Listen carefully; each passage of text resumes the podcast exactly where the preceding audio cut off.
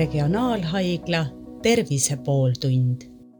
tervist, minu nimi on Hando Sinisalu, te kuulate Regionaalhaigla Tervise pooltundi ja täna on minu vestluskaaslaseks eh, doktor Ilona Mooni, kes on radioloog, eh, ülemarst, osakonna juhataja. me räägime nukleaarmeditsiinist. kui nüüd proovida aru saada sellest, kuidasmoodi see nukleaarmeditsiin siis töötab, et, et kuidas seda seletada, et mida täpselt tehakse, mis inimese organismis selle tulemusena juhtub.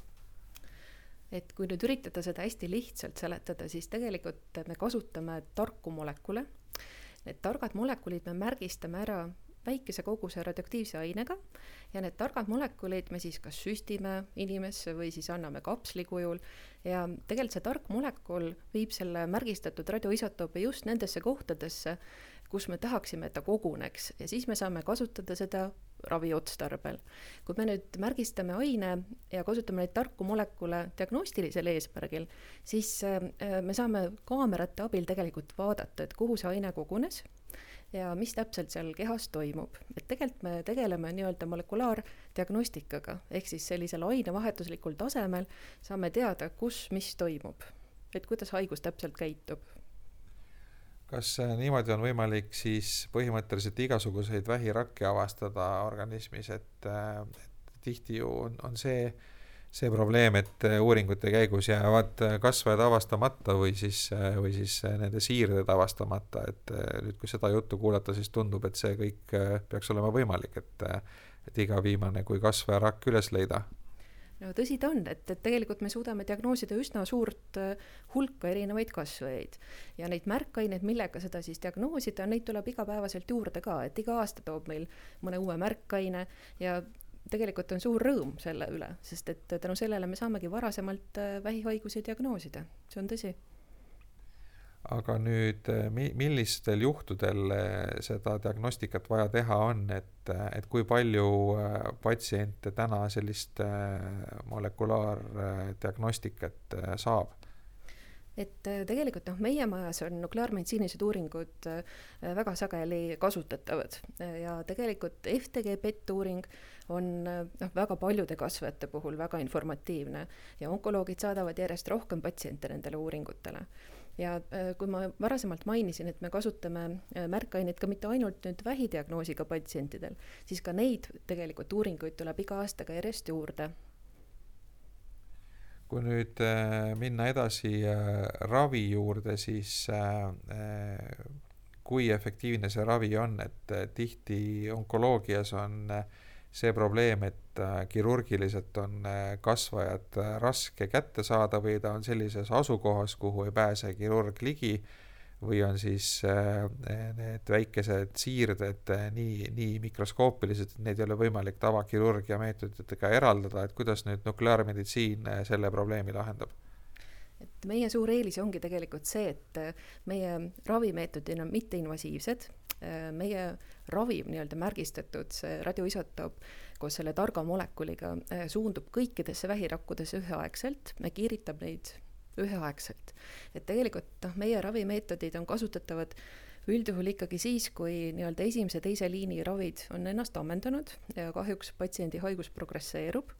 ja äh, meie maja äh, praktika on see, et kõik haigusjuhud, eks ole, arutatakse konsiiliumis läbi. kui kõik kolleegid on ühel meelel, et võiks nukleaarmeditsiinilist raviprotseduuri pakkuda, siis me seda ka teeme. ja nüüd efektiivsuse poole pealt kõik muidugi sõltub konkreetsetest äh, ravimetoodikatest, et põhiline, mida me taotleme, on haiguse stabiliseerimine, et kahjuks kuratiivset ravi, sellist nii-öelda tervistavat ravi me pakkuda ei saa ja teine oluline aspekt on see, et tegelikult elukvaliteedi paranemine on see, mis on meie jaoks hästi oluline, et meie patsient tunneb vähem valusid või need valud kaovad sootuks ära, et see on see, mida me tegelikult oma meetoditega taotleme. Te ütlesite, et see nukleaarmeditsiin tuleb käiku siis, kui esimesed ja, ja, ja teise kategooria meetodid ei, ei tööta enam või neid ei saa kasutada, et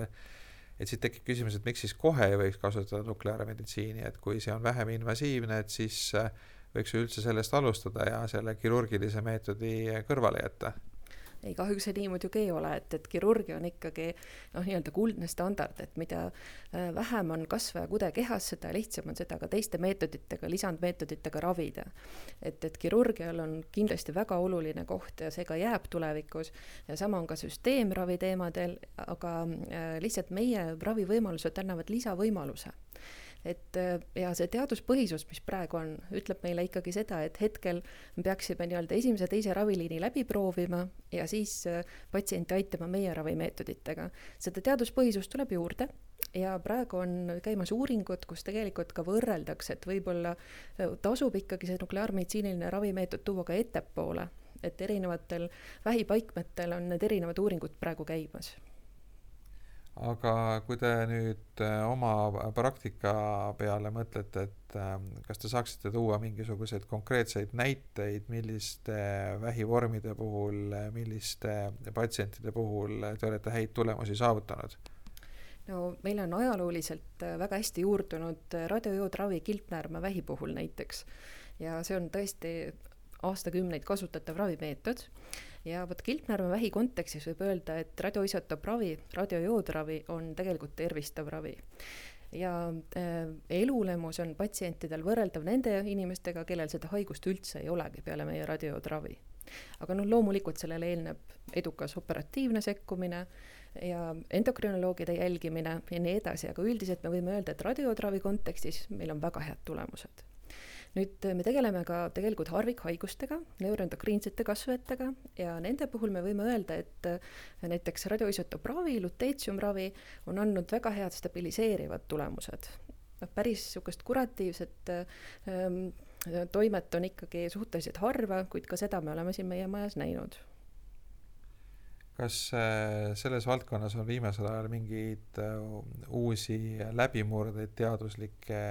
mida te olete nüüd just viimasel ajal hakanud kasutama ja mis on häid tulemusi andnud? tegelikult üks väga selline hot teema on ähm, eesnäärme vähidiagnostika ja radioisotoopravi. et diagnostika poole pealt meil on olemas uus märkaine või noh, suhteliselt uus äh, Fluor BSMA uuring mis on PETKT uuring, lihtsalt see märkaine on suhteliselt uus ja see tegelikult võimaldab äh, esiteks diagnoosida eesnäärvähki palju täpsemalt ja jälgida ka seda raviefekti paremini ja teine asi, mis see tegelikult võimaldab, ähm, võimaldab pakkuda patsiendile luteetsium BSMA ravi, juhul kui see uuring on meie mõistes positiivne, ehk siis need vähikolded äh, äh, ekspresseerivad BSMA, BSMA-d ja nüüd see luteetsium BSMA ravi, see on suhteliselt uus ravimeetod ja mis on selle kõige suurem pluss, on see, et ta on väga hästi talutav ja annab ikkagi sellise stabiliseeriva efekti aga muidugi praegu käivad kolmanda faasi uuringud, see kõik on suurelt ette võetud, et just vaadata, kui hästi ta tegelikult toimib. sellisel juhul siis eesnärvevahi ravis kirurgilist sekkumist polegi vaja?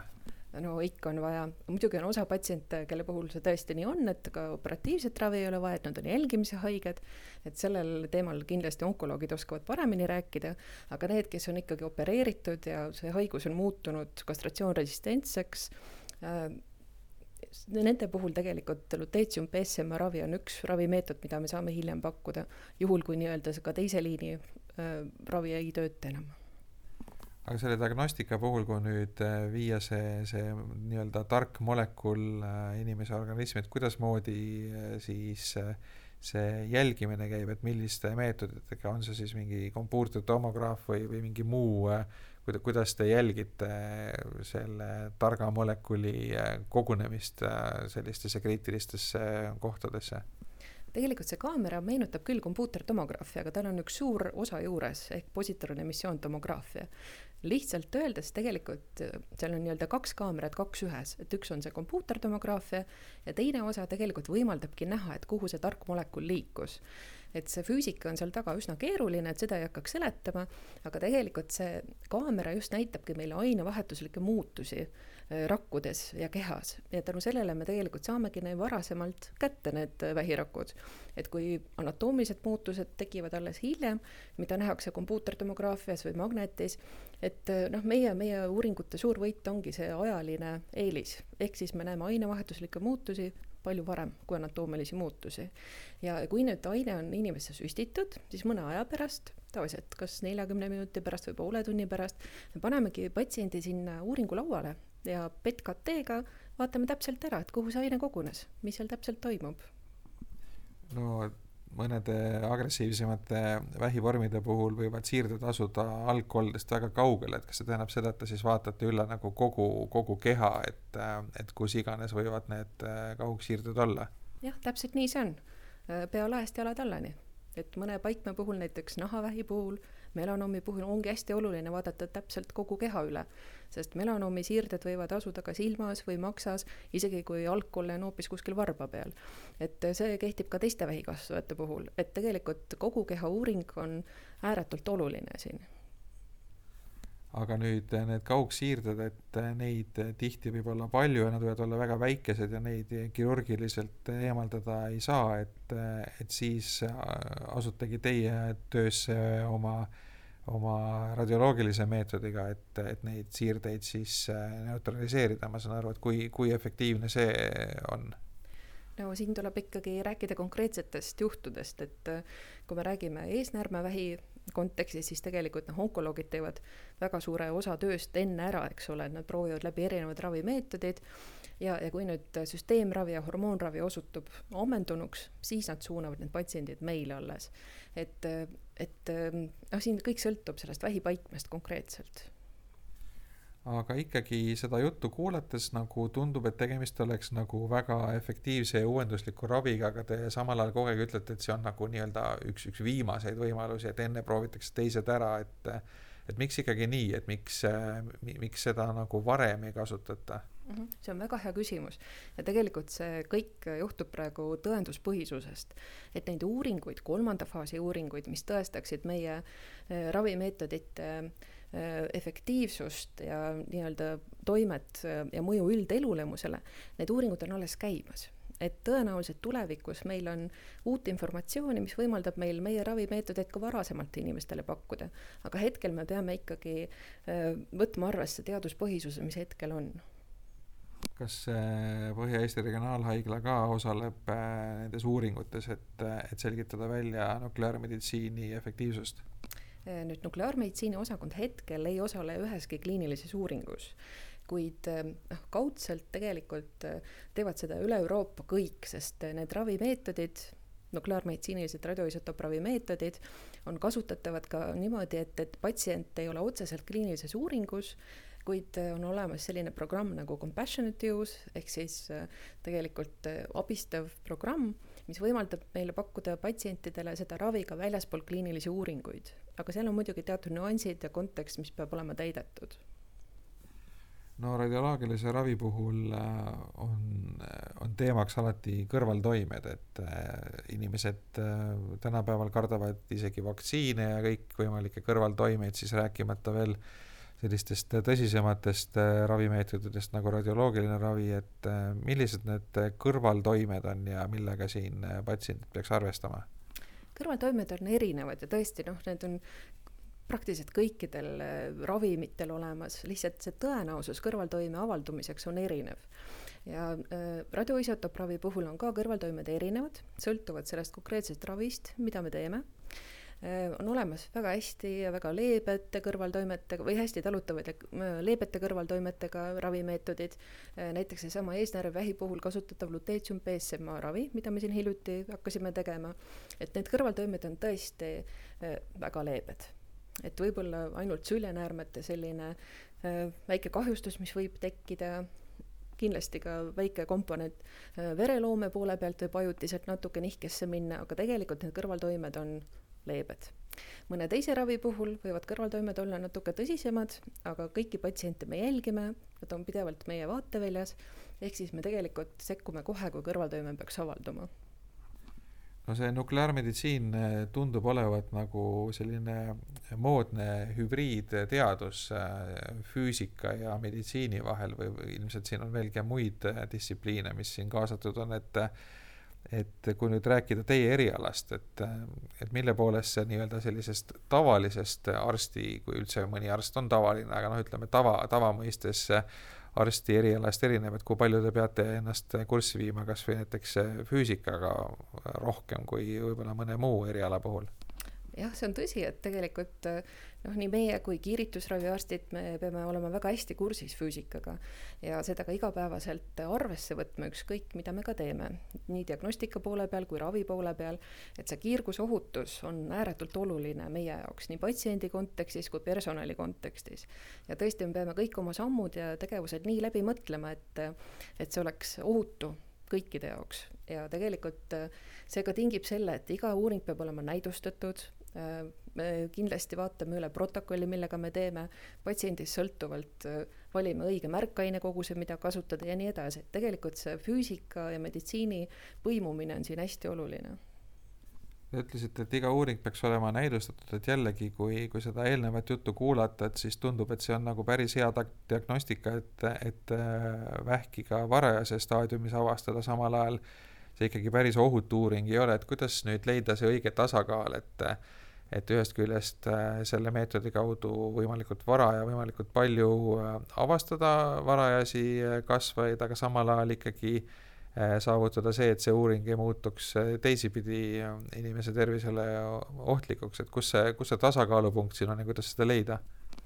siin on tegelikult hästi oluline suhtlus nii-öelda patsiendi saatva arsti, raviarsti ja radioloogi vahel või nukleaarmeditsiini arsti vahel. et äh, iga uuring peab olema näidustatud, igal uuringul on oma koht, millal seda teha, mis kontekstis seda teha äh, ja see informatsioon, mida arstid omavahel vahetavad selleks, et õige uuring õigele patsiendile saaks, on ääretult oluline ja, ja teine asi on see, et kõik uuringud, noh näiteks meie keskuses nukleaarmeditsiini osakonnas, mis saadetakse, eh, meie arstid vaatavad kõik üle, et kõik asjad klapiks omavahel. ja teine asi on see, et kui tehnikud nüüd uuringut teostavad ja kui tekib väiksemgi kahtlus, et peaks kuidagi uuringu protokolli võib-olla muutma, et siis alati see arsti roll seal kõrval on hästi oluline, just sekkumaks õigel ajal, et oleks õige asi no rinnavähi puhul näiteks on äh, levinud äh, paljudes maailma riikides, sealhulgas Eestis, äh, screeningud, et kutsutakse sünniaasta järgi juhuslikult inimesi testima. eesnäärmevähi puhul sellist head screeningut ei ole, kuigi BSA testi tehakse, aga see on järjest suurema kriitika all, et ei, ei ole väga täpne et kas näiteks äh, äh, nukleaarmeditsiini selliste äh, üldrahvalike screeningute puhul ei oleks mõistlik kasutada? Ähm, usun, et mitte, sest see kiirgusohutus, millest ma rääkisin, et et meie uuringud on ikkagi selleks, et haiguse levikut juba diagnoosida või raviefekte hinnata, et see ei ole kindlasti screening meetod kui nüüd sellest meetodist rääkida nagu ütleme, lähituleviku, lähituleviku all ma mõtlen siin võib-olla mingit kolme kuni viit aastat, et see on väga kiiresti arenev valdkond, et kui paluks teil nüüd natukene tulevikku ennustada, et ilmselt teaduskirjanduse põhjal on võimalik ju, ju ette näha, et mis, mis võiks lähemal ajal ka praktikasse juurduda, et mis, mis te näete, millised sellised äh, lähiajal selles valdkonnas tulevad läbimurded ja uuendused võiks olla eks see tuleviku ennustamine on niisugune tänamatu tegevus muidugi, aga see, mida me loodame väga näha, on see, et tõesti ilmuvad sellesama eesnäärmevähi luteetium BSMA ravi kolmanda faasi uuringu tulemused, mis tegelikult võimaldaksid ka äh, pöörduda uuesti meie Haigekassa poole, rahastamaks seda ravimeetodit palju laialdasemalt, kui ta hetkel on rahastatud, sest äh, praegune seis on selline, et, et patsiendid saavad seda ravi ainult äh, vähiravifondi toel ja noh, heategevus on loomulikult väga oluline, aga siin peaks olema ka riiklik tugi, aga seda ei saa enne tekkida, enne kui ei ole kolmanda faasi uuringu tulemusi publitseeritud ja heaks kiidetud. et selles suhtes, et üks tulevikuvisioon, mis on, on tõenäoliselt suureneb ikkagi luteetium BSMA ravide hulk, äh, samaväärselt ma loodan, et suureneb ka teiste radioisotopravide kasutus et tegelikult sellist nagu päris uut läbimurret hetkel siin paari aasta jooksul ei julge isegi ennustada. see võib tulla väga äkitsi, sest äh, fakt on ka see, et, et nukleaarmeditsiini keskusi on üle Euroopa, Austraalias, USA-s ja nii edasi ja igaüks nokitseb vaikselt omaette mingisugust äh, teadusarendust et tegelikult noh, ei ole üldse välistatud, et paari aasta pärast kongressil, paari aasta pärast kongressil teatatakse, et nüüd on välja mõeldud täiesti uus ravimeetod ja sellest me kuuleme rahvusvahelistel üritustel. Äh, te mainisite siin rahastamist ka, et äh, ma saan aru, me ei ole seni rahast rääkinud, aga, aga see tundub olevat suhteliselt kallis meetod, äh, et kui nüüd panna kõrvuti näiteks tavaline kirurgia ja nukleaarmeditsiin, et, et kuidas nad omavahel nagu hinna mõttes võrrelduna on vot mina ei ole õige inimene rahast rääkima, aga tegelikult need asjad on nii sisu poole pealt kui rahalises mõttes kindlasti võrreldamatud, sest et see sisu on erinev seal taga. ja tegelikult noh, Haigekassa teenuste loetelus on meie teenused äh, olemas äh, ja täpselt selle hinnaga, nagu Haigekassa on selle läbi arvutanud,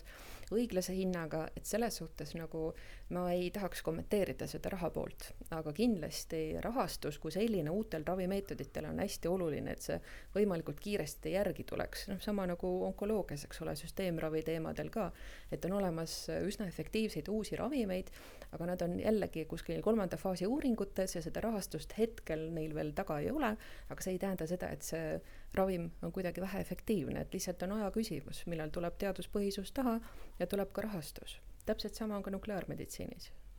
no praegune Covid epideemia on näidanud seda, et tavapäraste uuringute tempo on, äh, ma ei tea, kümnekordistunud, et kui on kriitiline olukord, siis on äh, näha seda, et saab ka kiiremini tegutseda, et võib-olla see muudab ka kogu ravimiuuringute tempot e-, edaspidi, et, et teatud kriitilistes valdkondades hakkavad need tulemused kiiremini selguma, et kas, kas praegu nagu teadusmaailmas on seda ka näha, et et see eh, näide, kui kiiresti eh, Covidi vaktsiine välja töötati, hakkab üle kanduma teistesse valdkondadesse, et eh, ravimiuuringud kiirenevad, et olete seda märganud juba? isiklikult ei ole märganud, aga väga tahaks näha et selles suhtes tõesti see teadusliku baasi tekitamine ja selle bürokraat, bürokraatlik menetlemine võiks tõesti kiireneda. et, et selles osas on kindlasti põhirõhk koostööl erinevate keskuste vahel ja tegelikult on rõõm näha, et järjest enam ka nukleaarmeditsiinikeskused üle terve Euroopa teevad rohkem koostööd, palju rohkem kui kümme või viisteist aastat tagasi aga suur tänu, äh, doktor Ilona Mooni äh, meiega vestlemast. Äh, doktor Mooni on siis Põhja-Eesti Regionaalhaigla radioloog, ülemarst, osakonna juhataja ja temaga vestles Hando Sinisalu. aitäh kõigile kuulajatele.